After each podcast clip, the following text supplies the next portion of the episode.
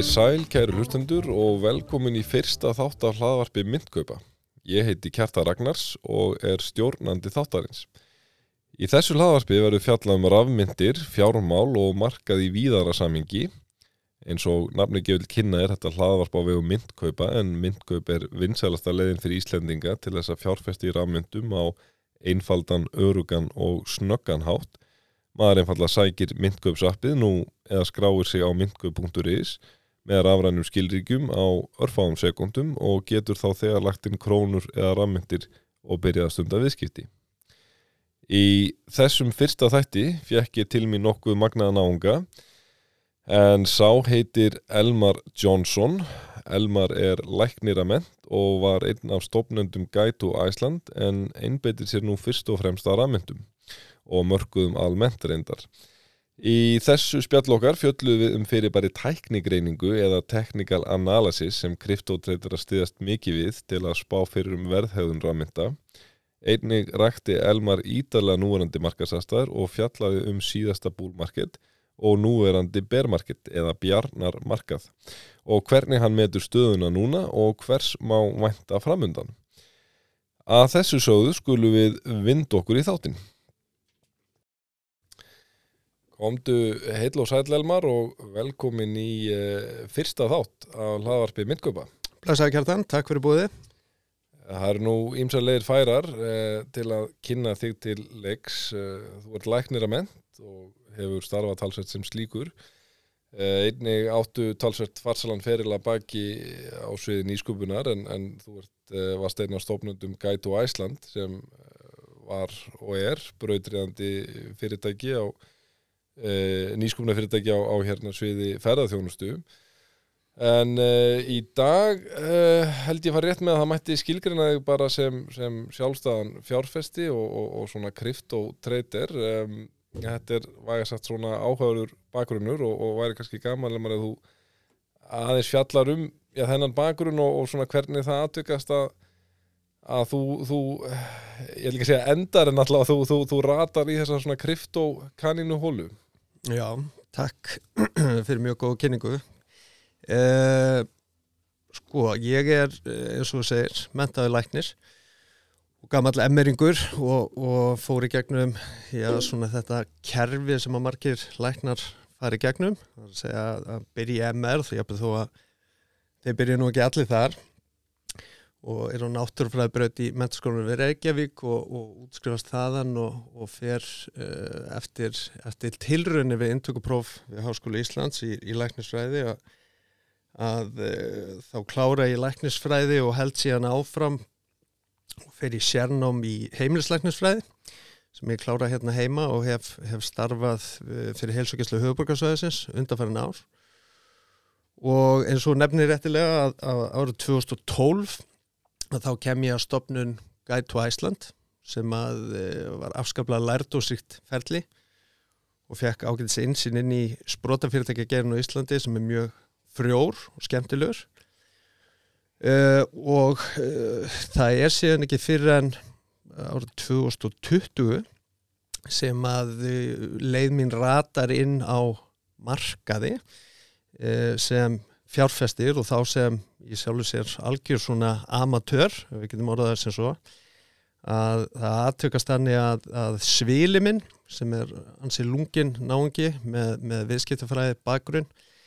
að hann e, tjáði með það að hann er að, að taka verkefni í, í HR það sem að kennarinn hans hafi lagt honum fyrir að, að ásand samnefndum að að eh, stunda viðskipt á markaði með platpeninga og, og reyna að generera einhvers konar afkomu af því. Og, og það sem ég þótti áhugavert var að, að hann hafi verið að taka út skamstöður eða shortstöður á fyrirtæki og þetta er þarna kringum mæ 2020 eh, skömmu eftir eða í kringum þetta viðfræðu COVID-trun og það er í fyrsta skipti sem ég hafði heyrt að þú gætir hagnast af því að, að veðja á að fyrirtæki uh, myndu dvína í, í virði eða fara niður. Og sömulegis bendur það mér á að, að svona sem er almennu leikmaður og þá getur stopnaðir uh, stopnaðir reikning á eToro sem er eina af þessum kauphöllu sem að margir byrjundur villast einn á og þar getur stundar þessa fjármjölagjörninga ég myndst að, að kaupa langar stöður eða, eða stuttastöður long eða short á hinn ímsu fyrirtæki. Sem að ég og svo geri uh, bara svona til þess að prófa mig áfram. Og á þeim tíma að þá var það tilturlega auðvelt vegna þess að, að það er sama á hvað var litið og það virtist allt fara í eina átt og það var niður á við en það sem að gerist þarna inn á þessari etur og kaupöll er að, að ég kem auga á tikkara eða tákn fyrir rafmyndir sem voru Bitcoin og Ethereum uh, sem voru skráðið þarna í þessu kaupöll og stunda viðskipti með. Og án þess að vita nokkuð um uh, þessa myndir eða, eða þennan rafmynda heim sem slíkan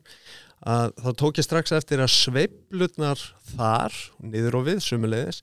voru tölvögt aggressívari heldur en á almennu mörgu, samanbúra við önnur fyrirtæki.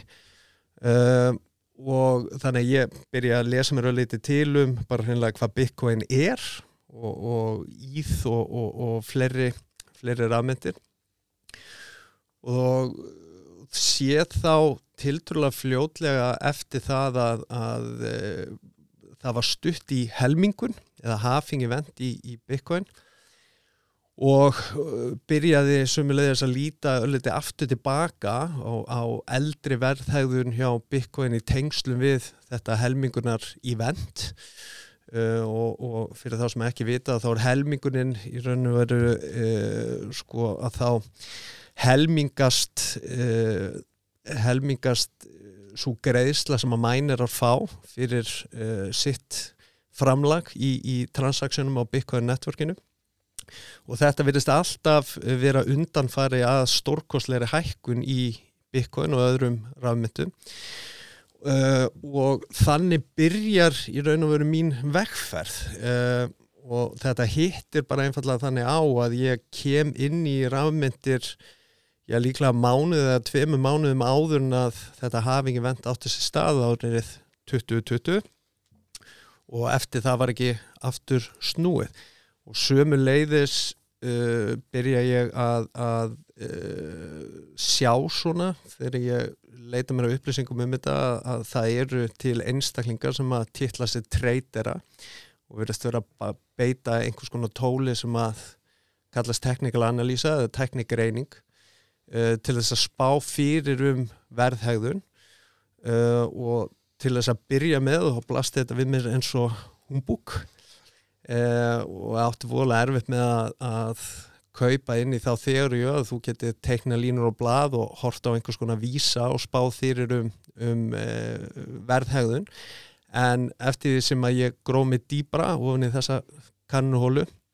að þá Þótti mér að minnstu kosti uh, ekki verið neitt vafi á að þessir einstaklingar uh, byggju yfir kunnóttu sem að uh, setti þá svolítið frá hópnum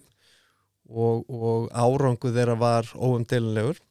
Þannig að ég byrja að leggja fyrir mig teknikreiningu og það eru þetta afskaplega djúblaug að hoppa út í, gríðarlega mikið á kontenti til á internetinu og sömulegis mikið af indikatorum eða vísum sem er þetta stiðið sér við. Og undanfari en ár, tvö ár hafa í raun og veru farið miklu leiti í þetta. Um, og nú undir það síðasta undanfærið ár hef ég í sjálf þessu starfað nánast engungu við þetta. Já, þetta er, þetta er áhugavert og, og hérna það er svona mætti held ég segja að, að þú hefur ekkert geta komið inn á okkar mikið betri tíma sko í þennan sektor, þú kemur þegar verðið er mjög látt en eins og segir kort er í, í hérna halvingið 11. mæði 2020 sem er einmitt gaman að segja frá því að það var dagurinn sem myndkupp fór í loftið eh, við fórum í loftið hérna þegar, þegar halvingi var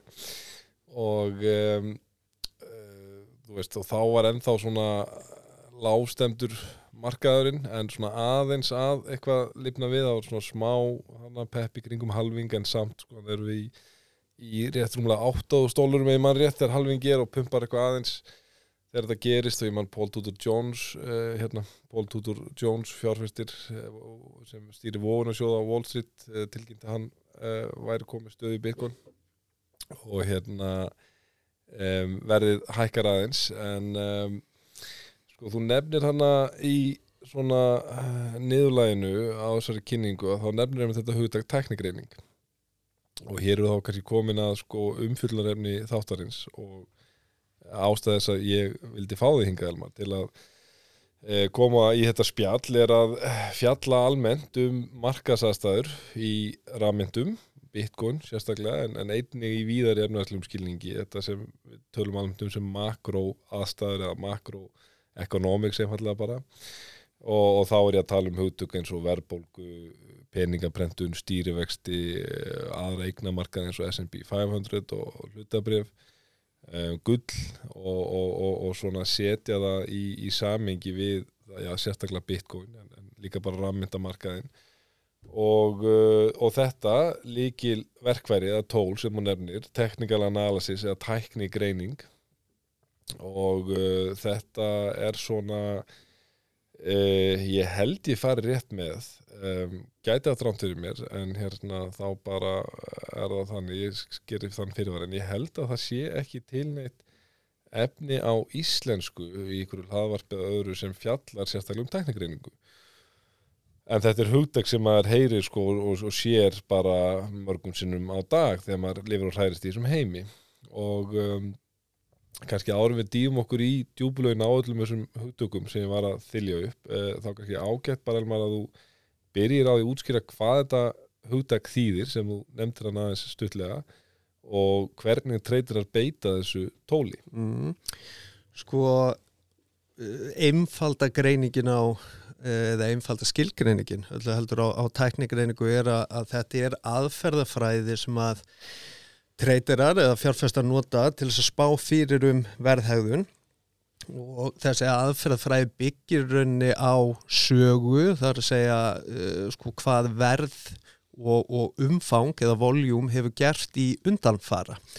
Uh, og þetta er kannski þver öfugt við það sem að fundamental analistar til dæmis fást við og þá eru þeir meira einblýna á á afkomu og eignir og, og stöðu fyrirtækja eða ef við ætlum að tala um rafmyndir þá, þá myndir við tala um þessu on-chain analysta, það er að fjöldi veskja og inn- og outflows af, af krypto eða, eða stablecoins á exchanges. Að þá öfugt við það að þá eru uh, technical analistar eða teknikreinendur Þeir eru heldur að reyna að nota starffræði afleiður sem að sko bera yfirheiti indikatorar eða vísar til þess að spá fyrir um verðhauðun og grunnhund hugtaki er það að þáttekendur í markaði hvort sem að umræðir fjárfesta eða, eða treytera sem að nota einhvers konar gýrun er að hegðun þeirra er yðurlega svo sama. Og, og þannig kemur þetta hugtaka að sagan endur tykku sig kannski ekki en hún rýmar yfirleitt. Og úr því að hegðunin virðist alltaf verið svo sama að þá virðast oft byrtast minnstur í kortunum sem að bera síðan aftur með sér einhver tölfræðileg líkindi á úrlaust hvort sem umræðir upp eða niður og það er það sem að treytirar eru að reyna að, að eh, grýpa og reyna skilgreina trend og eða líkur á að verð fara upp eða niður. Og, og stunda síðan sín viðskipti út frá því. Já, þetta er, er, er áhugavert sko. En nú, nú heimar auðvitað orðið var við þau sjónamið að, að, að tæknigreining eða TA eins og, eins og þetta er jáfnvægt kallað um, sé varhugaverð eða jáfnvel ómarktæk, það eru, það eru sumir svona á, á, á þeirri línu reyndar er mín reynsla svo að það er kannski yfirleitt fólk sem hefur ekki stútir þetta fyrirbæri að neinu viti og ég reyndar tekka fram, ég, ég þráttur að ég e, hafa alveg kynnt mér teknikreiningu sko, þá, þá samt skilgrinni við að ég, ég er bara amatúr þegar kemur að þessu. Um, en auðvitað kemur það fyrir Elmar, að mönnum eins og þér skjáttlast og, og hérna verðið mitt fyrir alltaf rátt en, en, en búist var við og þá eru einmitt margir sem segja bara sko það er ekki takt að spá fyrir um þetta verð því að þetta er bara sveiflunar eru svo random og óraugréttar og, og hérna það eru svo margir faktórar og, og hvernig myndir þú svara þessari gaggrinni eða, eða svona þessum, þessum hugleðingum? Sko ég, ég sjálfum sér get ekki annað heldur en bara valit er það, það er alveg rétt. Og er sammálega þessu upp að vissumarki um, en, en það hefur nú svo sem verið sínt fram og það með nokkuð óyggjandi hætti að tæknigreining virkar. En á sama tíma er tæknigreining ekkit annað heldur en uh, sko líkindareikningur eins og hverjana líkindaregningur að, að þá getur tölfræðin bara hreinlega stundu farið gegn þér. Og þrátt fyrir það að þú sé búin að byggja upp einhvers konar líkindamódel að þá er í sjálf og sér ekki til neitt eh, líkindamódel sem að ber með sér 100% eh, sko akkurasi í því að spilast út. En, en hugsunni með tæknigreiningu er þessi að, að ef að þú stundar hana samkvæmt bókinni og án nokkra frávika yfir nóg og langan tíma að þá ætti hún að vinna með þér eh, þar að segja ef þú, þú kant að reikna út líkindi og reynir að staðsetja þig alltaf uh, réttu megin og sangkvæmt líkindamótelinu að þá ættur yfir næjanlega langan tíma að, að skera þið úr hópnum eða skera þið frá þeim hóp sem að beitir í sjálf og sér engum tólu. Uh, en það er alveg rétt að, að að tæknigrendur hafa rámt fyrir sér eins og aðrir. En e, þá vil maður líka undistrykka það að, að ef þú ætlar að beita tæknigreiningu einu sinni tvísvar eða þrísvar þá getur þú lendi í því að í öll þrjúskiptin hefur þú bara hennilega rámt fyrir þér. En ef þú beitir henni oftar þúsund sinnum eða miljón sinnum þá ættir þú að falla undir e, sko tölfræði greininguna og, og dreifinguna sumulegis og þá hann að byrja að vinna, þér, uh, vinna með þér og þér í hag en ekki bara heila gegn þér. Og, og sko hversu ég veldi fyrir mér hérna um, að því að nú heyrir maður þetta húttækt svo rosalega mikið með D-krypto uh, TA en þetta er náttúrulega til dæla gamalt húttæk gerir ráð fyrir þannig lagað sko og er, er þetta um, hvað ég segja, þú veist aðeinar eins og BlackRock og eignastýringa aðeinar á Wall Street og þetta óháð krypto, skilur, er, er um, liðið í eignastýringu þarna, skilur um mig er, er, er TA eh, hvað ég var að segja mainstream tólið sem verið er að beita samlega þá vantarlega einhverju greiningum á svona ytri faktorum að því eins og bara svona svo við, svo við skiljum þetta rétt hérna, bæði ég og, og, og við sem erum að hlusta að hérna um, til og með þegar þú greinir verð bitcoin með technical analysis, þá myndur þú bara fara í eitthvað app eins og TradingView sem sýnir bara hérna já við bara til dæmis opnum, opnum þetta núna hérna 8. janúar þá sé ég að bitcoin er í 23.115 hérna klukkan 13.37 og þú getur þá raunverulega bara farið í þetta graf, skoðað eitthvað sögu, skoðað eitthvað one hour chart, four hour chart og svo framvegis.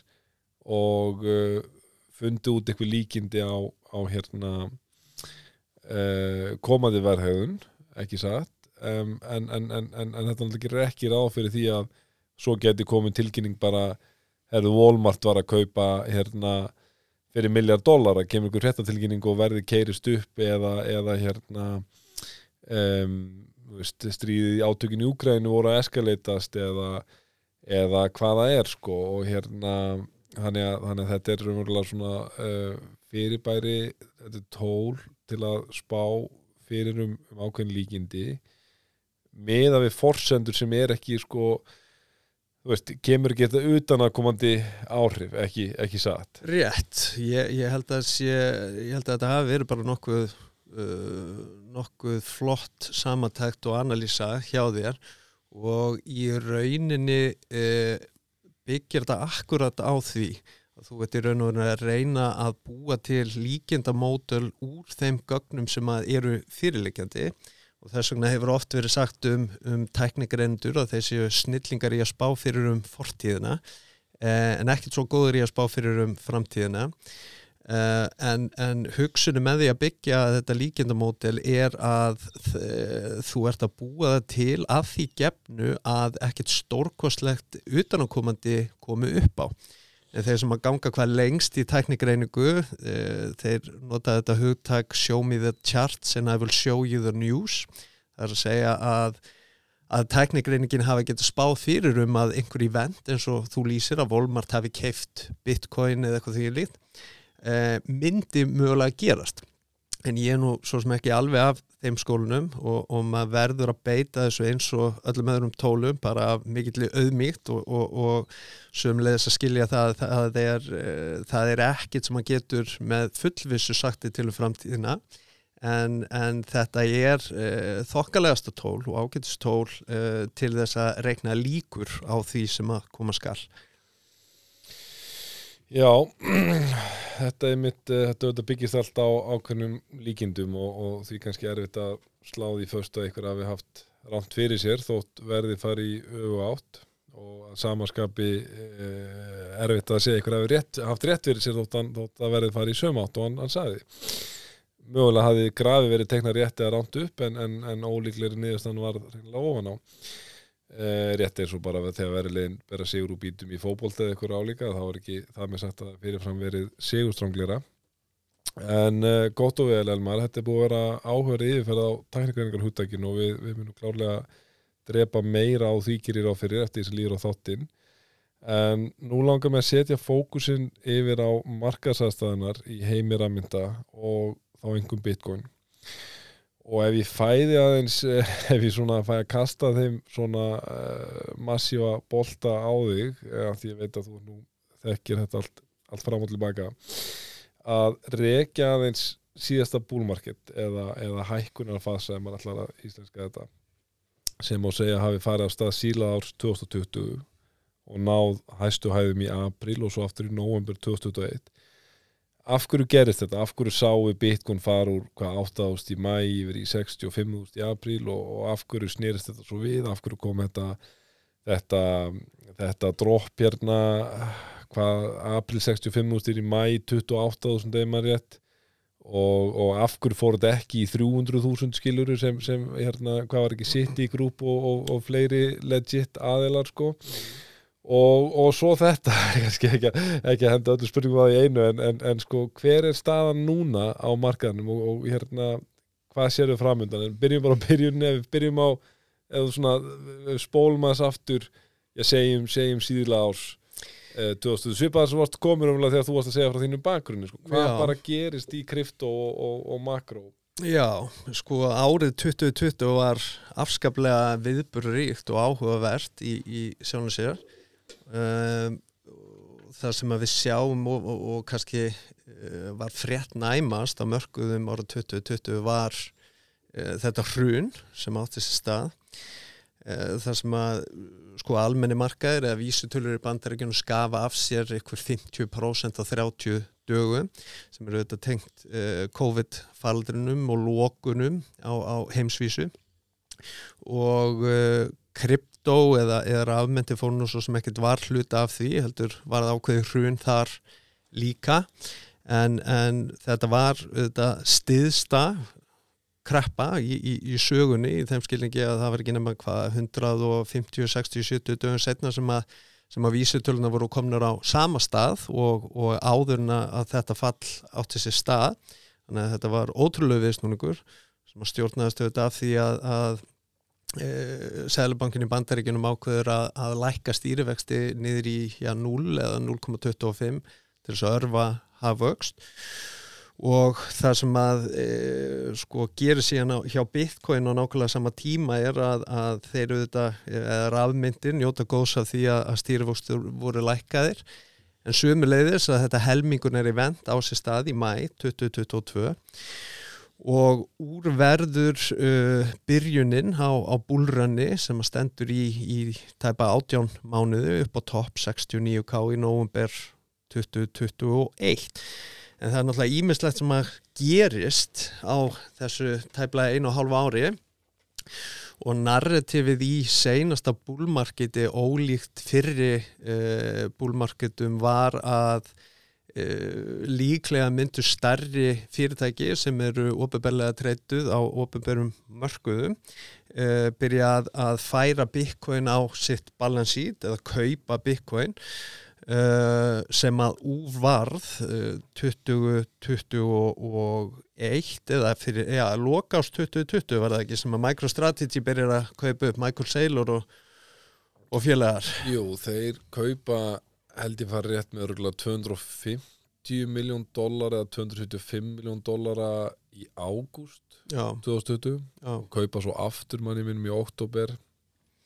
um, og já, svo kemur Tesla inn í þetta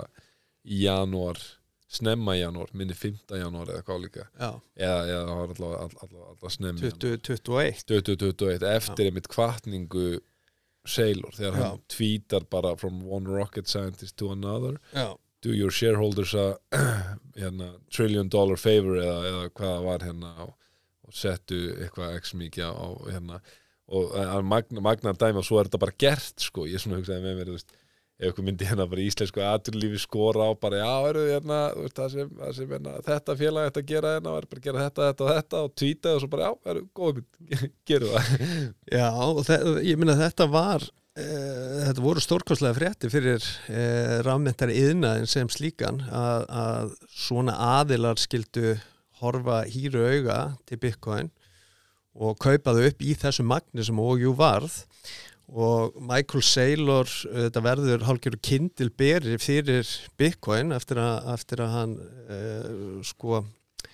leysi þennan fjármálagjörning af, af hendi. Og, og sumulegis næra að smita fleiri uh, framkvæmstjóra og fórstjóra fyrirtækja og í þessu tilfelli er það, er það Elon sem er nú afskaplega sérstakur fýr uh, og kannski líklegri heldur en aðri til þess að, að uh, taka svona áhættu sama uh, sko, fjárfyrstíku á sína hendur. Uh, en, en uh, það sem að kannski fylgdi ekki í kjölfari var þessi hólskefla fyrirtækjum sem að búast var við. Það voru margir sem að hefðu orðað því að Amazon og, og Apple myndu nú öllu líkitum byrta frétti þess efnis að, að þeir hafðu bætt Bitcoin og balance sheetið sitt en síðan var það nú bara hreinlega ekki. Le- lengi verið á líka svona orðumur um Walmart. Já, um, vol- já, einmitt. Og hann átti að vera svona daldið svona hvað er það gæsla að segja maður confirmed eða svona reliable humor lengi sko. Var eitthvað var nú talað um Facebook líka. Já, það Um, voru multiple fyrirtæki sem voru orðuð að minnstu kosti og, og ég held að það hafi sömulegis drifið þessa spátdóma að að maður velti því fyrir sér uh, þegar, að, þegar að verði stendur í 30, 40 eða 50k að ef að við hefðum ætlað að, að keira verði eins og Citibank spáði fyrir um upp í 300.000 dollara per bitcoin að þá hefði gríðalegt magna peningu þurft að flæða inn í þennan sektor og þá sérstaklega bitcoin til þess að keira verði svona háttu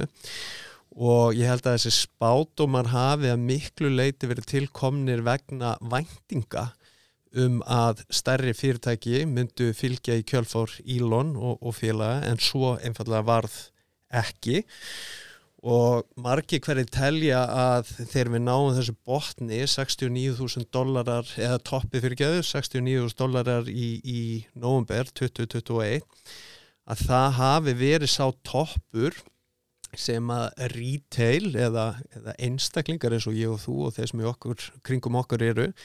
geti mögulega keirt Bitcoin, það komist ekki mikið herra án hjálpar stærri aðila, hvort sem að umræðir stærri fyrirtæki eða vogunarsjóði eða bankastofnunir uh, og, og það er svolítið það sem að beðið er eftir.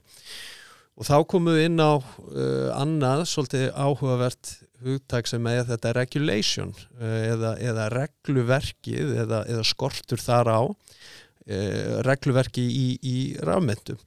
og uh, hugsun er að, að þessi stærri aðilar muni seint eða jafnvel ekki koma með fjö inn í rafmyndaheiminn fyrir en að það sé búið að smíða einhvers konar regluverk í kringum rafmyndir. Það geti verið svolítið erfitt sel fyrir fyrirtæki sem er á uh, skráðum marka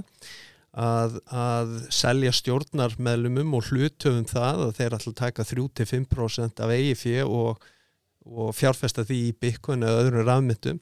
á meðan það er ekkit regluverk í kringum þessar eignir. Og það er sömulegðist það sem við hefum eftir að koma inn á eftir að árið 2022 þá kom það svo sannlega í ljós að þessi skortur regluverki var og er svolítil akkilissar hæll á rafmyndar heiminu uh, og þetta sást bersinlega við fall uh, Celsius til dæmis og Luna og, og FTX kannski, stærsta og, og nýjasta málið. Og það er svona það sem við erum að býða eftir núna og, og eftir því sem ég veit best að þá er eitthvað frumvarp inn á öldugöldætti þingi í bandaríkjunu sem að snýra því að setja einhvers konar regluverku utanum rafmyndir bæði eign þeirra og, og sumulegðis uh, sko, hvernig mönnum ber og meiga uh, fjárfesta og eiga viðskipti með þessar regnir uh, en, en svo kemur auðvitað alltaf svo ótti að þetta regluverk verði hamlandi og takmarkandi og eigi eftir að fæla frá fyrir að draga að en þá er kannski tímin einn eftir að leiði ljós. Já, já mynd að hérna, það kom nú reyndar um, veit svo sem ekki uh, hvað maður á að lesa út úr en það kom nú eitthvað tilgengning á dögunum frá kvítahúsinu um, uh, frá Biden administration það var í janúar þar sem þeir nefnilega bara það að þeir, þeir væru alltaf að taka hérna kryptoopnum örmum, alltaf að styðja við uh, nýsköpun á þessu sviði, styðja við allskins tækni sem fylgir kryptónu sem á að ebla fjártækni og, og fjármálamarkaði. Reynda líka manni þá kom uh, í fyrra þá kom önnur uh, hvað það var það var, það var einhver tilkynning held ég að bara heiti einfallega það sem, sem var búið að hafa markað var bara að hafa miklar ágjur af einmitt frá Biden administration. Um, en svo var hún miklu miklu í ákvæðri sko, var eitthvað sex atriði veist, og hérna og það var ekkert í því að sko það var bara eitthvað, jú, við ætlum að verja neytendur gegn skam og eitthvað öðru skiluru en, en hérna, það var ekkert svona eitthvað drakónian atrið, herru, við ætlum að við ætlum að hérna fara að leipila allt sem security svo þetta verður allt bara og, hérna ólulegt og, og, og bara að færi ykkur að fára fagfjárhust að komast inn í þetta eða eitthvað sem myndi bara drepa þetta allt sko. Og um, að samanskapi manni líka eftir Gary Gensler eitthvað tíman sem er satt, uh, fórstjóri SEC bandariska verbrið eftirlitsins uh, að hérna uh, hann man ég kom fram það var einhvern tíma líka síðla árs 2022 og var svona miklu jákvæðar en kannski menn þóra vona gangvart öðrum rammyndum en bitcoin þar sem hann sagði sko bara einfallega herrið veist við getum ekki núna eftir að vera búin að láta þetta grasser í svona stóran sektor fara bara eitthvað 1 og 10 með eitthvað þvílitt drakónian kröfur uh, leipel allt sem security svo okkur svolítið svo hann fjallaðum ég þekki nú ekki enan bandarska verbreytt alveg til hlítar þetta er alveg öðruvís en á Íslandi en, en, en ein, ein kategórian af þessum verbreyðum með securities sem er endur ekki algjört, eh, algjörlega samheiti við verbreyð en það er svona nokkuð, nokkuð, nokkuð líkt að, hérna, að það er sko fullægandi og bara sett, gefur ákveð disclosure, þú bara tilkynir til þessi upphafi sko hérna hverjir eiga mest í þessu ég er, ég er, ég er, það er svona vægari leiplan, það er til dæmis sem við erum að skoða mjög alvarlega á SEC sem er þá strax miklu eh, auðveldara að breyðast við sko fyrir já hvað ég að segja bara þessi fyrirtækjur umhverfið sem er á bakvið margar þessar rammindir ég meina Polkadot, Solana þú veist, eh, Ada jável kannski ekki, ég veit það ekki en hérna Avax, þú veist, þetta er náttúrulega bara eins konar fyrirtæki sem, sem er á bakvið þetta sko. Og væri mjög erfitt og íþingandi fyrir þau að þurfa kannski að skrá þetta með jafn íþingandi hætt og hlutabrjá Nasdaq sko. Um, en hérna en, en já um, gott og vel sko, þú er með talar um þetta að það hafi kannski eh, þessi verðmið, þessi spátum að byggsta ákveðnum væntingum sem hafi svo ekki ræst. Og ég man í þessu sami, þetta sýnit aldrei hvað maður getur þegar maður er orðin svona mjög bíeseraður sjálfur að þá er maður með svo mikið stækkunarglir á öllum jákvæðum fréttum. Og eitt sem ég man eftir var í kringum, ég held að það var í februar 21 Tesla kaupir hann í janúar og þá heldur Michael Saylor einhvers konar seminar eða, eða kynningu eða eitthvað fyrir býður hérna raun og veru öllum sem vilja koma eh, hvort það var ég haldi ekki ennum Zoom eða eitthvað og það mæta hann fulltrúar frá 3000 fyrirtækjum í bandaríkjónum og þar að voru flest eða mörg allavega skráð á, á, á markað og yfirskriftin var umvel bara hvernig á að koma bitcoin á balansíti eins og segir kaupa bitcoin fyrir publicly traded company. Og hann segði bara hérna tók okkur ykkur 11 mánuð að hvað er að, að hérna, framkama þetta ferli sko. En nú er ég búin að útbúa nú er maður búin að útbúa hérna playbook. Hvernig er best að gera þetta? Og þá átt ekki að taka lengur en 3, 4, 5 mánuð að fara í gegnum SEC og, og hérna gera þetta allt eftir kunstæðna reglum og þarna voru allir bara ok, það er bara tsunami of capital, institutional capital að fara að flæða inn hérna og bara, þú veist, maður var annars bara bara við fóreldra sína bara herðu kaupið þetta bara núna. Hérna, með ná þessu 60 tekið fram að ég hef aldrei talað hann í publicly en maður var þannig, það var manns persónulega skoðun. Og ég með þess að skama sem ekkert fyrir það sko, þú veist, þó svo að það hefði reynst reynst ránt sko, það var alveg eðlert og ég, ég, ég held að þú var eitthvað sagt, Elmar, þú, þú sjálfur ég meina keiftur alveg það narrativ sko, að við værum bara rétt að byrja þarna í, í sko, þessu fyrri toppið þarna. Absolut og, og ég, sko, ég gerist líka segunum það að hafa talað tengdaföðu minn inn og það að kaupa sér bitcoin og, og það vildi ekki betur til betur til að, að það reyndist vera fyrri toppurinn í, í fyrir hrunni í mæ 2021 og hann kaupið þetta bitcoin á 64.000 dollara og ég er afskaplega þakkláttu fyrir setnutoppin í nógumber annars, annars uh, hefði kannski ekki spilast eins vel úr en, en það var mjög erfitt að hunsa það narrativ sem að var í gangi á, á YouTube og í fréttabrefum og, og, og svo framvegis sem að byggði mitt á þessu að Michael Saylor uh, virtist vera afskaplega influential eða nógu influential til þess að tala Elon Muskin og að, að, að kaupa eða, eða setja Bitcoin og Ballasíti á Tesla. En þetta vil maður fara varlega í það að egna Michael Saylor það. En, en maður gefur sér það að hann hafi nú haft einhver áhrif á, á Elon. Og sömu leiðis uh, var narrativið eins og segir réttilega að, að líklega kæmi inn flóðbylgja af, af, af kapital uh, sem að myndi keira verði upp í hæstu hæðir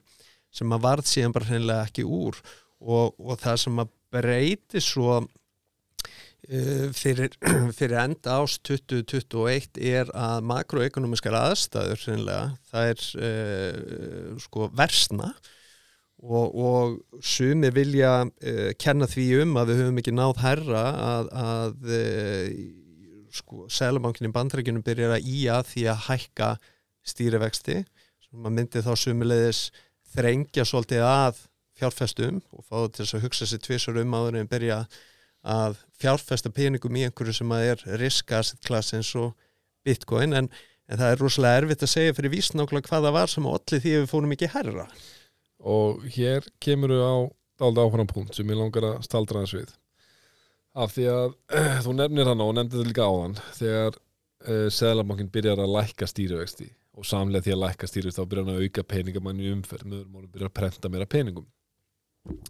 og að þetta hafi triggerað svona þetta búlmarked rally og svo að samanskapi mögulega hafi og ég held að senda aldrei akkurat að staðsetja bara pivotið á þegar þetta fyrir að vera búlmarked yfir í, í bermarked er einmitt þannig í nóvember þegar hann tjáir það að einmitt nú hérna sé verðbólka orðin það óhóflega að það þurfa að ná henni niður og, og verkværið einhvern eina sem þeim dettur í hug og kannski skiljanlega, ég veit að ekki, er að, er að keira stýrivextunni upp en þá spyr ég aldrei þessu sko. Þú veist, núna fyrir þann sem er að kynna sér bitcoin og þá er alltaf rauðu þráður er að þetta er decentralized eða dreifstýrð tækni um, þetta er einmitt ekki háð ykkurum miðstýrðum aðeins eins og seglabanka eða ríkistjórn um, ergo þetta er svona ákveðin leið til þess að kúpla sér út úr kerfinu. Lengi vil var að tala um, um þetta sem svona inflation hedge eða verðbólgu vörd sko og, og hérna og það það eh, narrativ, þetta, þetta hljómar allt mjög rökrétt sko, herru já, ég mitt þetta, þetta system sem við erum í er flót og það er svo mikið manipulerað með peningabrendun og stýrivöxtum og, og nefndu það sko. Eh, Bitcoin er svarið. Þar er ég mitt bara í einhverju hérna money of the people ekkert government sem, sem stýrir í bara, bara kóði þú fattar hvað ég er að fara með Mm. þetta sko en, en, en svo eitthvað finnst manni núna sérstaklega en kannski líka þá, ég man þetta var ákveðin tími þannig í búlmarketinu sem þetta virti svona daldið ef að segja dethatsa sig eða, eða aftengja sig við þessa fylgni á hefbundum markuðum, ég man þetta er sérstaklega gert það hana í hvað, oktober 2020 til svona einmitt februar 21 þegar byggur er alveg 5-6 faldast en, en, en aðrar vísitölur eins og S&P 500 til til að rólega hana bara en, en, en gott og vel, spurningin er bara þessi af hverju hefur þetta svona mikið að segja? Um, ég skil að þetta hafi mikið að segja fyrir fasteinamarkaði, hlutabriðmarkaði þessa, eh, markaði sem til er þessu traditional legacy kerfi. Af hverju er Bitcoin ekki ég meina, af hverju er það ekki óháð þessu, ef þetta er svona decentralized og þú fattar? Já, það er virkilega góð spurning og sko til þessa maður verður að taka mið að því að uh, Bitcoin er, er búið til og fer í einhvers konar umferð þarna 2009 held ég, þú leiðir þetta mig ef ég er einu eða tveimur árum til eða frá hefur Ja, hann fyrir mér, þetta er, þetta er fyrsti bólkinu að grafin held ég 4. janúar 2009 2009, já og, og byrjar svo White paperið byrt 31. oktober 2008 Já, og byrja svo að, að ganga einhverjum teljandi kaupum og sölum 2011 uh, eða minnst okkur stinn á kortin uh, ekki lengra aftur heldur en svo og ef maður skoðar þetta tímabil frá 2011 til 2021 uh, svona makroekonomist þá er þetta líklega eitt mesta velsælda tímabil sem við höfum gengið í gegnum uh, bæði á almennum mörkuðum sem og í Bitcoin. Og, og svona án allra meiriháttar áfalla hefur Bitcoin gengið í gegnum nánast algoritmiskan boom og bust cycle sem að uh, sko afmarkast af þessum helmingunar í vendum Uh, og, og nánast virðist þetta sko tíminn frá botni og upp á topp og svo frá toppi á botni hverjum búlmarkett og bermarkett virðist nánast alltaf vera svo sami. En það sem að breytist kannski núna og hefur verið svolítið enginandi fyrir þennan bermarkett er að makroekonomiskar aðstæður uh, uh, versna. Og það hefur sjálfins ekki gerst frá því að Bitcoin tók sko kaupum og sölum árið 2011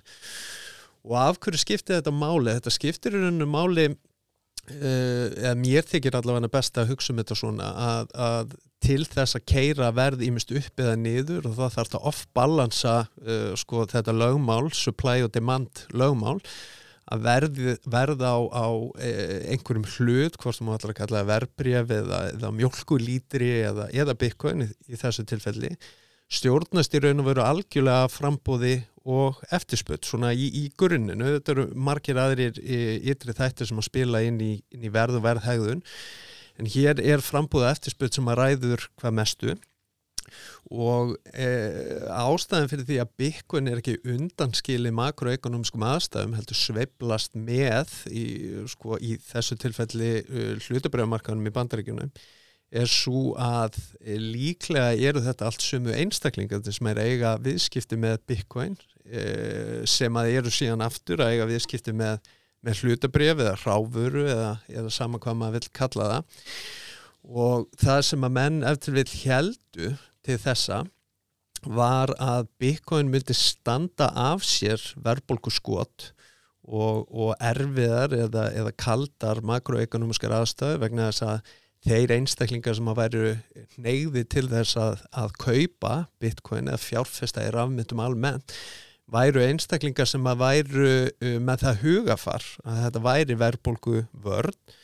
En það sem að hefur hins vegar komið upp á daginn og sást nokkuð bersinlega árið 2021 í loka árs og, og síðan allt árið 2022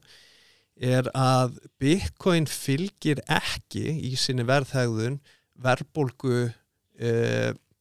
eða sem sagt instrumentur sem að eru af mörgum talin verðbólgu vörn eins og gull og, og silfur og, og, og fleira, kannski gull frekan sem og, uh, sko currency á borð við dollaran heldur þvert á móti virtist relatíft uh, sko samhengi vera sterkast við Nasdaq vísitöluna sem að hefur að geima tæknifyrirtæki í bandaríkunum og, og fyrir þá sem að hafa verið að stunda viðskiptin lengri tíma þeir vita það að Nasdaq vísitalan uh, sko það er nána samansæðmerkjum millir Nasdaq og þess sem maður myndi kalla risk assets eða áhættu fjárfestingar það sem er mikið um spekulasjón þetta eru spekulatífir assetklassar uh, og Bitcoin verðist heldur fylgja þessum assetklassum frekar en uh, sko verbulgu vörn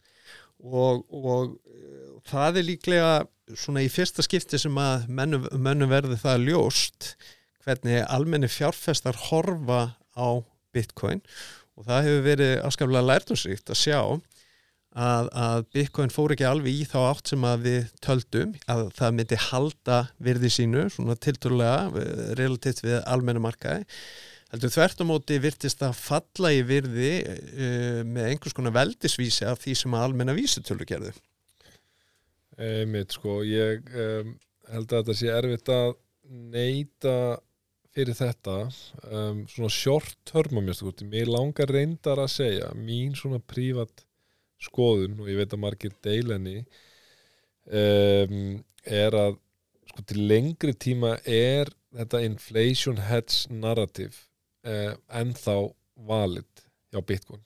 Og ég byggi það á því að segja við erum nú þó þegar í 23.000 dólarum. Og ég meina það er hvað 2003 var að byrja. Ég man alveg þegar, þegar sko myndgu fyrir lótti 2020 þá var 20.000 bara eitthvað svona er þetta eitthvað tíman að fara aftur í það? Eða skilurum mig, það var alveg, það var alveg sagt, þeir sem voru svona skeptískir skilurum mig.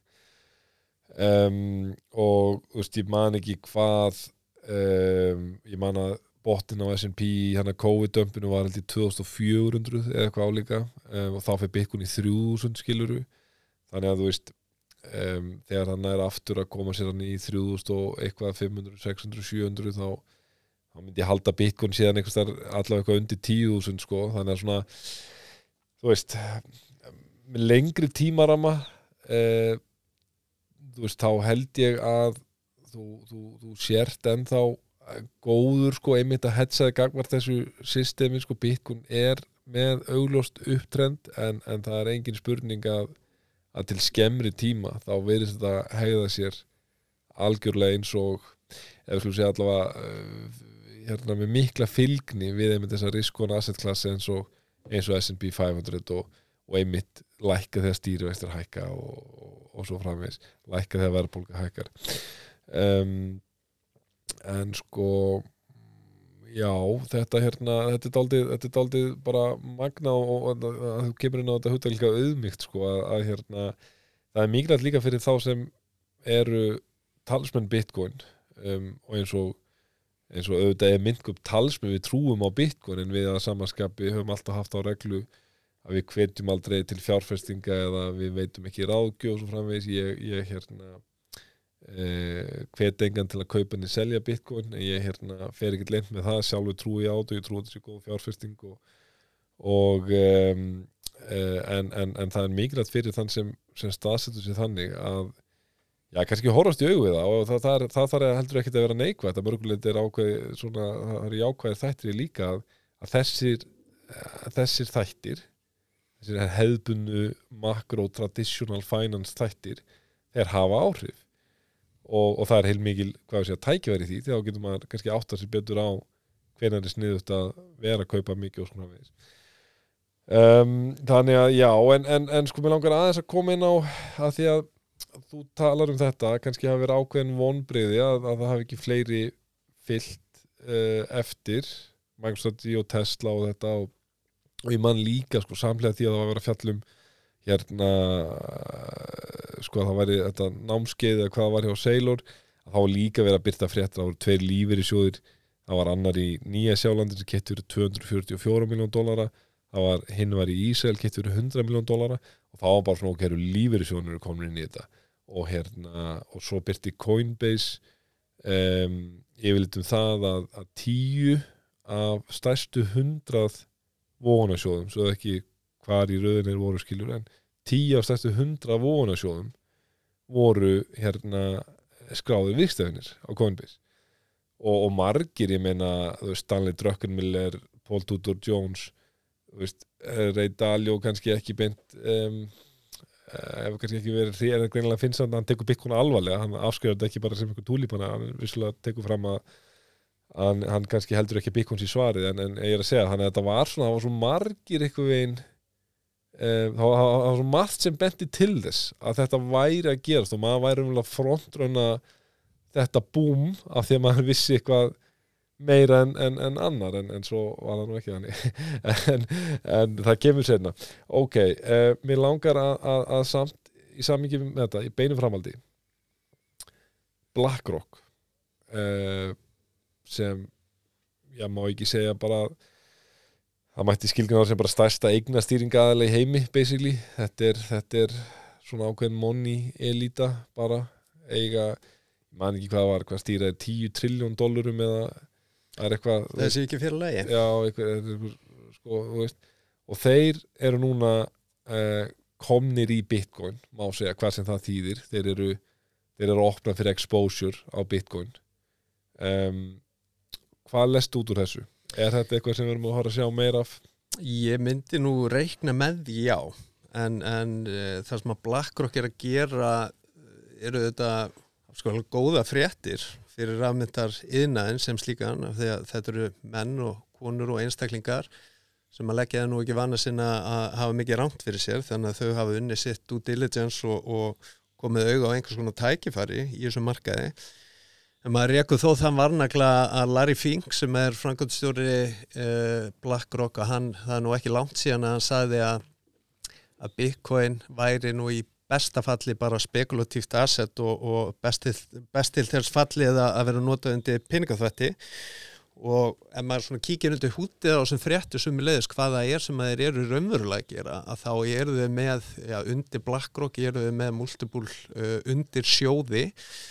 og þeir eru raun og veru opna í sjálfu sig bara fyrir uh, Bitcoin Futures Trading hjá tveimur af þessum sjóðum. Það er að segja samþykja það að Bitcoin sé instrument sem að þessi sjóði mega stundar viðskipti með. Þannig að það er nú ekki merkilegra en það. En auðvitað er maður vongóður um að þetta sé vísir að einhverju starra í rauninni. Einmitt, einmitt það er, það er oft um, uh, einmitt með þessi bíjast gleru sko, þá vil fólk oft setja stækkurna gleru á allar jákvæða fréttir en enga síður, þá finnst manni samt svona þessir hefðuna aðilar, bankar, ég meina að sjá það bara eins og Goldman Sachs, JP Morgan um, aðilar eins og greiðslukorta fyrirtækin Visa og hérna, Paypal þessi fyrirtæki. Um, þetta verið verið aldrei trend að þeir segja eitthvað svona kannski 2019, 2020 2018 eitthvað svona mjög hostile komment um Bitcoin sem svo ímist dvína all verulega eða hreinlega bara snúast við og, og Goldman og JP Morgan að hérna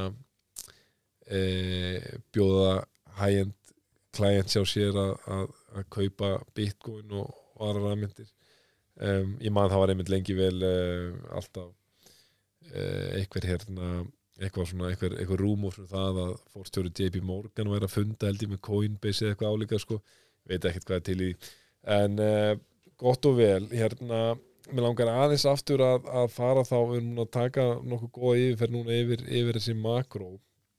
Og uh, þá kannski þá kannski spyrjið sko hvað sérðu í kortónum núna? Hvernig ertu stemdur hvað, hvað uh, við erum búin að sjá áhugaverða áhugavert præsaksjón eins og ég segi hérna uh, að því að við veitum ekki nákvæmlega hvenar, það er ekki búin ákveða nákvæmlega upp á dag hvenar þátturum verður byrtur en þess að það er 8. februar í dag og við erum í 23.100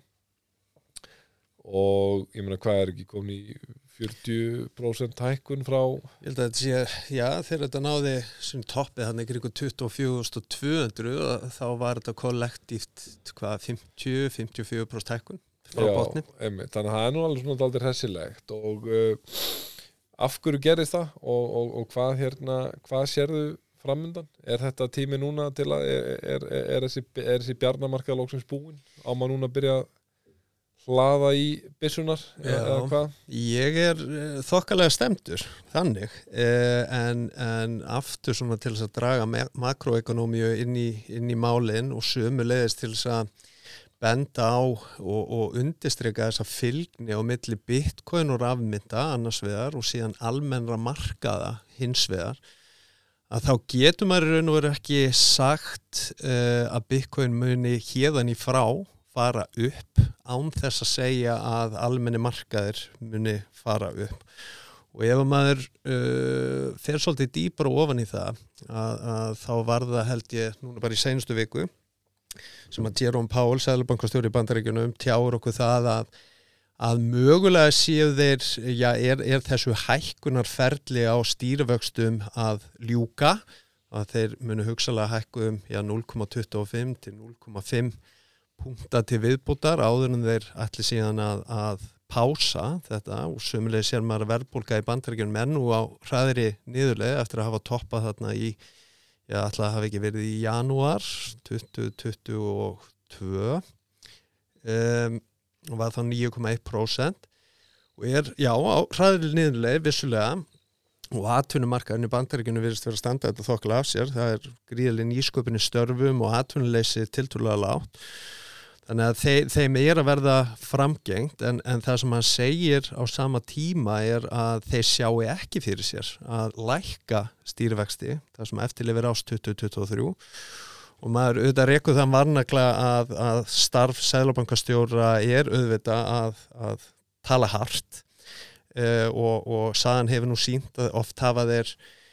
svona tekið aggressíft stans sem að þeir síðan snúa við eftir því sem að tekur að líða á en að minnst okkur stið akkurat núna tjáur nokkuð það að, að fjármála aðstöðu verði nokkuð aðþrengt að það sem eftir er ást 2023 og með við það sem maður er að sjá almennumörkuðum með ársfjónus uppgjör hjá stóru fyrirtækjunum og meðalans fangfyrirtækjuna núna undanfarnar vikur er að þessi fyrirtæki eru ekki að skila þeirri afkomu sem að spáfa fyrir um, heldur eru nokkuð undir viðmiðum, ekki öll en mörg hver. Og ef maður horfir á það sem að stýrivexti svo aftur eru að þeir gera fyrirtækjum erfitt fyrir að ímest taka lán og, og spýta því aftur inn í, inn í vöxt fyrirtækja, búið inn í störf og, og, og auka afkomu uh, og sömulegis þingir uh, skuldabyrðið þeirra og, og úr verður að, að afkoman eða hagnaðurinn verður minni. Og ef að þetta ástand á að standa það sem eftirlifir ás og, og jafnvel eitthvað inn í árið 2024 að þá myndir maður nú halda að e, aðstæður og almennu mörkuðum verði svolítið erfiðar sem að aftur á síðan eftir að skapa afskaplega erfiðar aðstæður hjá Bitcoin verandi það risk asset sem að það OGU er. E, þannig að ég myndi titla þetta rönn sem við höfum séð frá því í oktober á senast ári og til dagsins í dag sem e, hefbundið bear market rally og, og myndi telja að líkurnar væru heldur negðar í þá átt að við myndum koma aftur niður. Hversu lágt er afskaplega erfitt að segja til um en, en uh, líkindin á milli þessa uh, bear market, svo síðan aftur bear market sem átti sér staðar árið 2015 hjá Bitcoin eru ansi mikil og þá uh, áttu við ekki ósvipar hlaup og við höfum átt núna undanfattamániði sem að endaði svo á því að við komum aftur niður á sama stað sem að í þessu tilfellu myndi því að Bitcoin myndi koma aftur niður í 8-15 stólurum áður en að við byrjum síðan að hefja næsta búlrönn um, og sömulegis er, er ágætt að, benda á það að við erum byrjað að sjá uh, sko út frá teknikreiningar aspekti erum við byrjað að sjá fyrstu já, fyrstu merki þess eða, eða vísi að því að þessu rönni fyrir að ljúka við sjáum það að dollarin eða dollaraindexin þar sem að dollarin er, er metin gegn körfu af öðrum uh, gjaldmiðlum uh, er byrjað að sína viðsnúning. Og það er öfug fylgni á milli dollara og rafmynda, við vitum það á, á öllum meira hátt á toppum á, á Bitcoin og þá hefur dollarin verið að setja inn meira hátt að botna og, og svo öfugt. Og frá því í oktober þá hefur dólarinn dreigið sig umtalsvert tilbaka og er núna fyrst byrjar að sína styrkleika merki sem að benda til þess að dólarin ætli að byrja að keira sig upp sem að myndi síðan aftur því að, að Bitcoin og aðra rafmyndi byrja að keira sig niður. Og sömu leiðis virðist eh, S&P 500 og Nasdaq og, og þessar helstu vísitölur vera svona orðnar aðeins of heitar eftir þetta hlaup frá því í oktober þannig að, að maður myndi talja líkurnar lægi þeim megin að, að við myndum fara neðar í þenni frá. Þannig að fyrir þá sem að ég er að velta fyrir sig hvort að nú sé góðu tími til þess að kaupa og þá myndi ég að minnst að kosti býða öllítið og meta aðstæður eftir því sem að fram í sækir. Og, og myndur þá ég vel segja sko að fyrir þann sem er búin að kaupa það væri, uh, hafi keift til það með spotnin þannig sko að hérna, það væri ágætist tími til að selja núna eða, eða væri freka bara þú myndir vilja halda og, og kaupa þá meira í ef þú hefur rétt fyrir meðanan botn sko. Það fer uh, sko það fer svolítið eftir því hvað átlúkið er hjá viðkomandi. Sumi hverjir sem að sem að hugsa þetta meira sem langtíma fjárfestar að, að þeir myndu líklega verið neyðar líklega verið eh, sko, til þess að, að halda. Mm. Ef þeir eru með tveggja, þryggja, jæfnir fjara ára átlúk en, en ef að menn þurfa eiga fyrir leigunni eða eitthvað því líkt að, að þá nú kannski e, ekki óvittlust leikur að, að losa minnst okkur eitthvað af þessu núna og, og meta svo stöðuna næstu vikur og mánuði. Uh, mætti ég þá segja að, að sko, þú sért um, svona short term frekar beris en long term, já vel medium term frekar búlis Já, ég held að það sé óhætt að segja það og, og það sem að margir eru að býða eftir er þetta pivot hjá mm. Sælubankunum mm. og, og, og pivotið er ekki það að þeir hætti að hækka heldur þvert á móti að þeir byrja að lækka og akkurát núna verðist vera uh, svolítið í land hvað það var þar uh, en, en það er voðalega erfitt að vera long term bearish á, á Bitcoin og það sem er kannski áhugast að benda á að í þessari dífu frá því að við setjum inn þennan topp í, í nógumber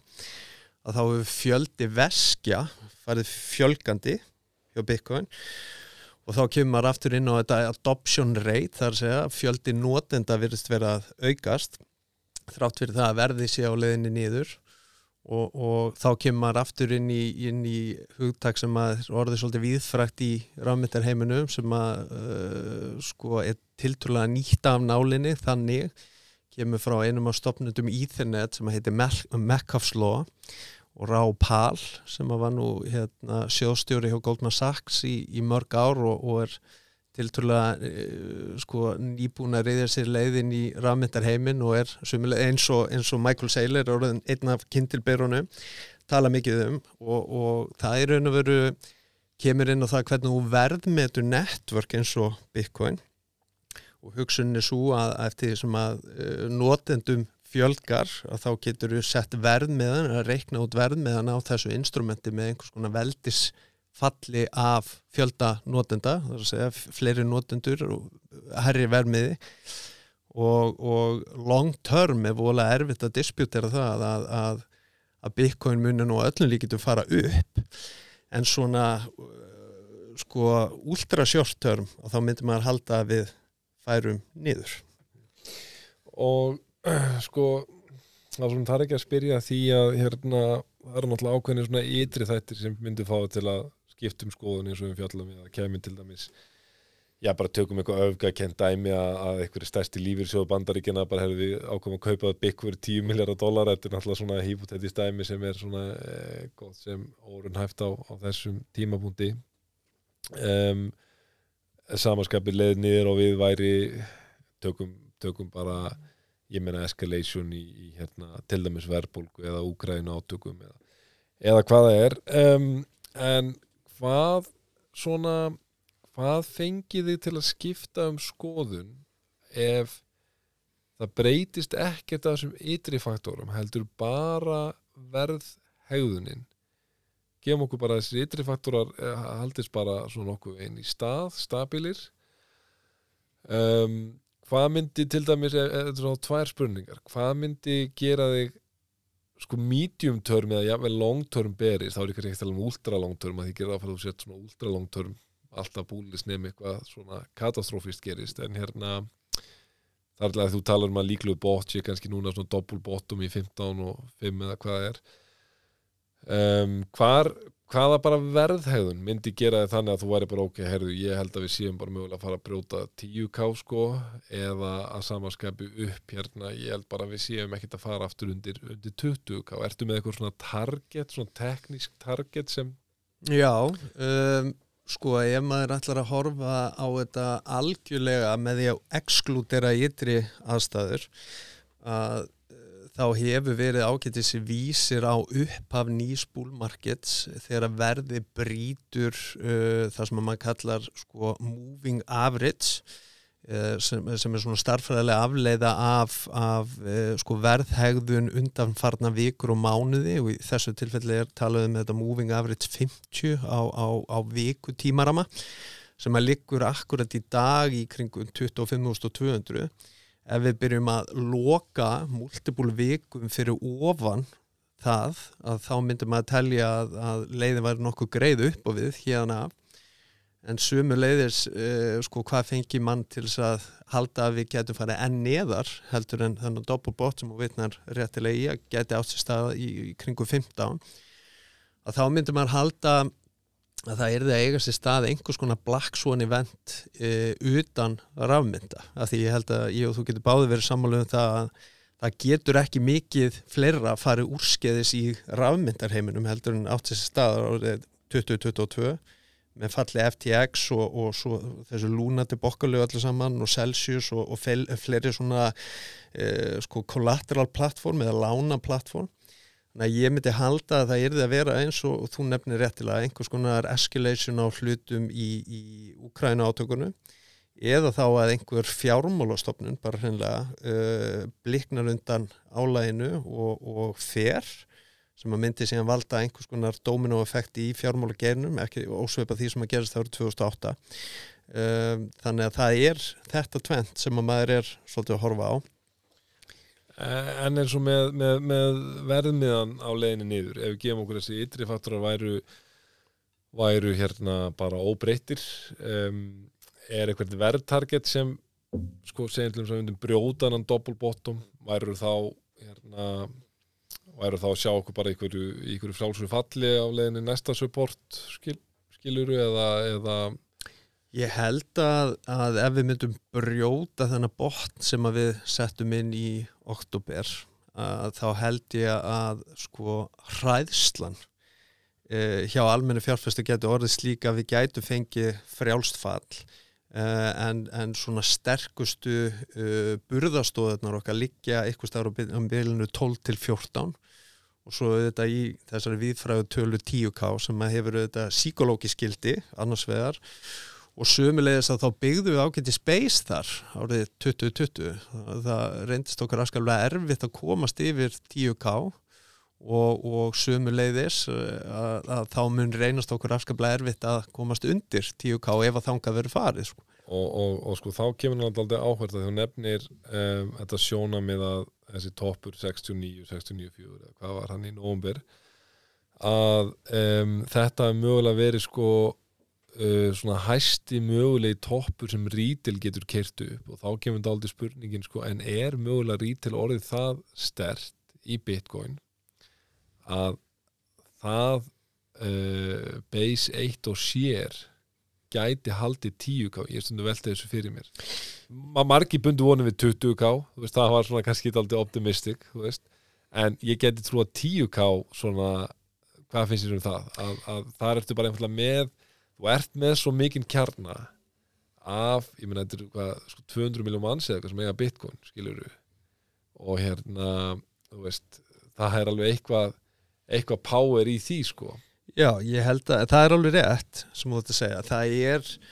ákveðin svona, já, grunn, það er ákveðið grunnmagn af fjö sem að virðist vera í bitcoin sem að virðist ekki hreyfast uh, sem að byggja þá ákveðin base í verðinu sem að er mjög ólíklegt að það fari undir en síðan verður maður líka aðtöða það að það eru e, eins og segir að sko yfir 100 miljón manns eða 200 miljón manns sem að sko eiga bitcoin í einhverju magni. En þú ert með einstaklinga og stopnarnir þarna sem að halda á, á sko, já eins og MicroStrategy ég held að ég fær mér rétt mál 150.000 bitcoin. Að, að þessir einstaklingar ef á einhverju tímapunkti að, að það er ekki lengur artbært fyrir þá að halda á bitcoin og þeir tellja sér betur setta með því að losa sér við eða að minnst okkur minga holdingið að það geti haft katastrófísk áhrif á, á Bitcoin verði þannig að maður verður líka að, að, að muna það að, að þetta er e, sko þessar stóru upphæðri Bitcoin eru á afskaplega fárumannu höndum. Þannig að og, og örlögin, örlög Bitcoins eru þá að samaskapi að að e, einhver leiti eða, eða, eða ansi miklu leiti í, í þeirra höndum Það væri svona held ég alveg öfgagent Black Swan event ef Michael Saylor myndi að Bound and Ship sko ég, ég leifi mér eiginlega að segja þessi útlöka hann virka bara þannig náungi á mig sko að hérna, hann ræður öllu þannig í eh, Michael Strategy sko ég vil þó að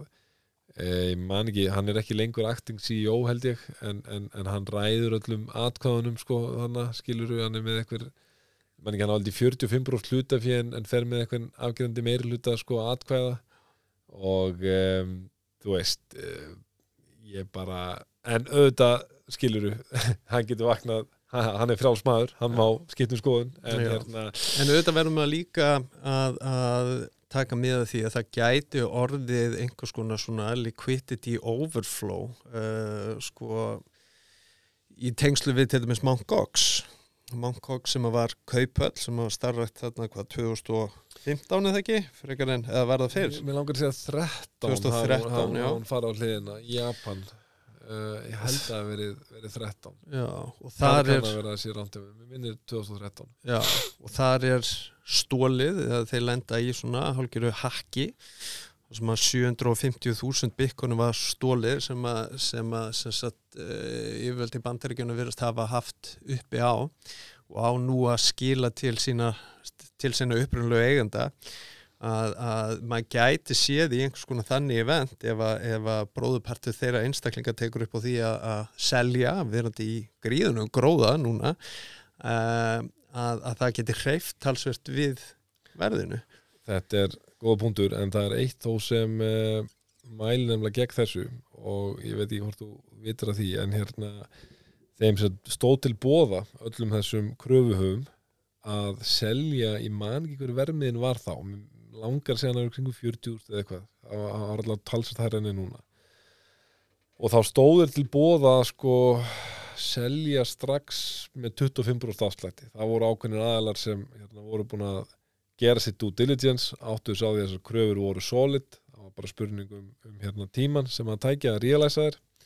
og þeir buðu þá öllum. Þeir geti bara selt fengið peningin núna á 25% afslætti. Og það voru sletta liði sem þáði það sko. En svo veist, þeir sem þáða ekki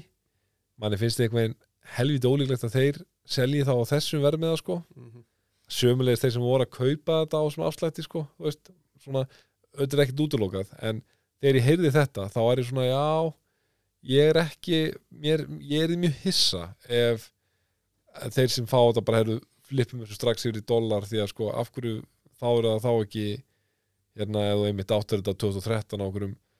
200x profit eða eitthvað skilur af hverju, af hverju veist, kassar ekki út bara með 25x peningin svona sko mm. samaskapið, veist, þeir sem er að fara mjög þungir inn og ég veit ekki kaupa verið með honum 40 sem svo 25% afsláttu, kannski 32k eh, eða hvað er hérna 30k eða eitthvað og hérna ertu þá sko ertu að fara að selja núna? Mér finnst það ólíklegt en, en ég, ég, ég er sammálað því ég er sammálað því og Mount Gox í raun og veru bara eitt af þessum mögulegu scenarjum og þetta hefur maður heyrt líka kannski það nýjasta sem er í gangi núna er þetta Silvergate mál sem að Gemini bræður uh, sko fléttast einhvern veginn inn í það og, og það sem maður hefur alltaf áhyggjur af og, og 2022 kendi manni kannski er að að ef að eina af þessum stóru stopnunum sem eru viðrinir uh, rafmyndir uh, bara hreinlega fara á hausin að, að þá gætu þurft að likvidera eitthvað af sínum eigum og, og eh, Bitcoin þar með talið sem að myndi sko skapa gríðalegt oversupply á markanum og, og í aðstæðum það sem að kannski ekki margir eru tilbúin til þess að kaupa sem að geti síðan aftur hreftu verðun en auðvitað er þetta bara hypothesurs en ekkit annað en ágætt að hafa bæk við eira svona þegar maður er að horfa fram á því um, Mér langar dálítið að sko þetta búið að vera mjög fræðandi og, og svona víðfem yfirferð hjá okkur og við erum múin að fara talsvert mikið í tækningreiningar húttakið um, og við erum líka sömulegis búin að fjalla mikið um já svona sögu síðustu þryggja ára sérstaklega. Og makro aðstæður núna. En hérna um, það sem ég veldi fyrir mér er, er eitt sem ég finnst mjög áhugavert. Að það er þegar maður skoðar fylgni bitcoin og annar rafmynda ef maður tekur sem dæmi í þýrjum ég er búin að fylgjast með genginu núna ég held ekki þess að daglega í hvað, þrjú ári eða eitthvað álíka. Og hérna maður getur yfirleitt sagt sér um, þegar bitcoin er upp 1% þá er alla líkur á því að þýrjum sé upp 1,5, 2 2,5% eitthvað svo leiðis samanskapið að bitcoin er niður segjum 1% þá er yfirleitt mjög góða líkur á því að í þýrjum sér niður 1,5-2,5% af hverju er þetta? Það er virkilega góð spurning og ég, ég raun og verið að geta bara svarað henni sem algjör leikmaður sem að er sömulegðis að velta fyrir mér því sama en, en eh, ég svona hef gefið þá útskýringu að uh, sko Þetta er að miklu leiti sömu einstaklingar eða að minnst að kosti uh, svipa þengjandi einstaklingar sem eru stund að viðskipta á þessum mörguðum og uh, ef að maður ættir að katakulera sér að rafmyndir eftir áhættu og þá er Bitcoin líklega uh, áhættu minnst af, af þeirra afmyndum sem í búið eru og, og, og svona telum aðeins niður listan og og hugsunni væri þá líklega svo að ef að Bitcoin heldur velli, er tilturlega stabil og eða er að auka við sig virði og þá er trú uh, fjárfestarsú að það sé óhætt að setja peninga í riskjara assets eins og íð eða, eða aðra allkvæna uh, og það veldur því svo aftur að, að uh, það er einhvers konar markfældis áhrif sem að verða, það er að segja að það þarf minni peninga til þess að reyfa við verði í það vegna sem marketkapið er einfallega minna. Þannig að þá, þú þart e, sko minni peningainspýtingu til þess að reyfa verði upp og við heldur hann í bitcoin. Og ástæðan fyrir þessi fylgni e, fyrir þessari fylgni er einfallega svo að, að ef að e, þú vaknar eitt daginn og bitcoin er niður 10% þá getur þú nánast verið vissum það að, að flest altcoin í þar með talið er niður 20% og það er einfalda vegna þess að, að ef þú ert að stunda áhætti fjárfestingar á borð við rafmyndir að þá hugsaðu ef að allt er að fara suður að líklega sé uh, skinsamlegast að draga peningarna út úr því sem að tel, telst mest áhættu samt sem eru þá allkvæmna sem að veldu þá sumulegist þessu, þessu markveldis áhrifum uh, á, á vermiðan og sama á við á leiðinni upp þar að segja ef að Bitcoin er að réttu kútnum og er upp 2-3% þá eru fjárfesta gjarnari á það að reyna að kapitalisera á þeirri reymingu með því að setja peningarna í altcoina. Og uh, nú langar mig að spyrja þig sko og kannski svona uh, í lokin til að svona að því að þetta er búið að vera við erum búin að fara svo víðan og öll og ég veit að við erum náttúrulega með sko, við erum rétt aðeins 12.000 vikstafinni og uh, mjög dreið flóra, þú ert með allt frá, já bara viðstafinum eins og þér sem þekkja þetta út og inn og, og þú ert með hérna bara fólk sko, þú veist sem bara eðlilega veit þú að líti hvað þetta er en langar að hérna, þreyfa sig áfram í þessu og, og, og hérna og ég gerir áfyrir að, að það veri sumleis sko, dreið flóra sem uh, hlustar á þetta spjall okkar og finnst þetta spennandi en um, það sem ég hugsa er dáliti sko og ég hef stundum fengið það svona á tilfinningu gangvart teknikal analysis að þetta sé nú ekki á færi allra að tilenga sér þetta um, til endalast að content á YouTube og svo framvegis og er þetta vita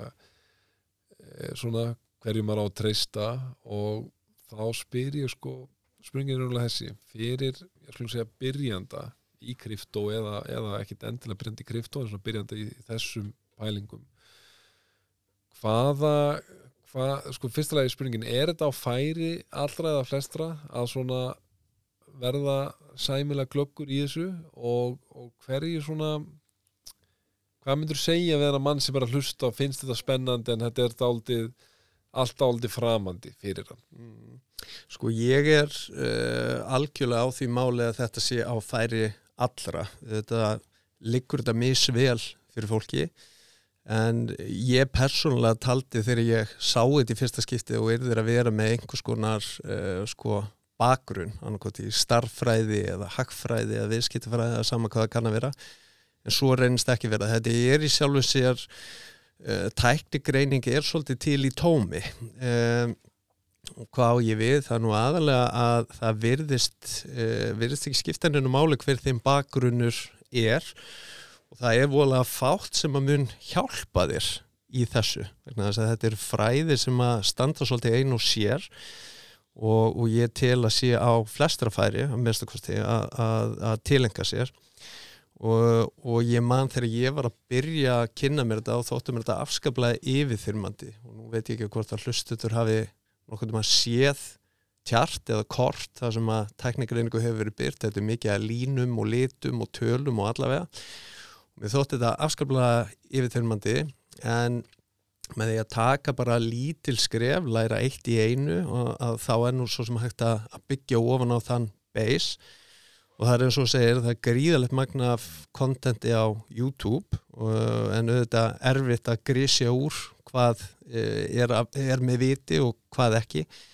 Uh, en sömu leiðis hefur það nýst mér afskaplega vel að skrá mig í, í hópa. Það er til dæmis til svona Discord hópar og Discord fyrir þá sem ekki vita er svona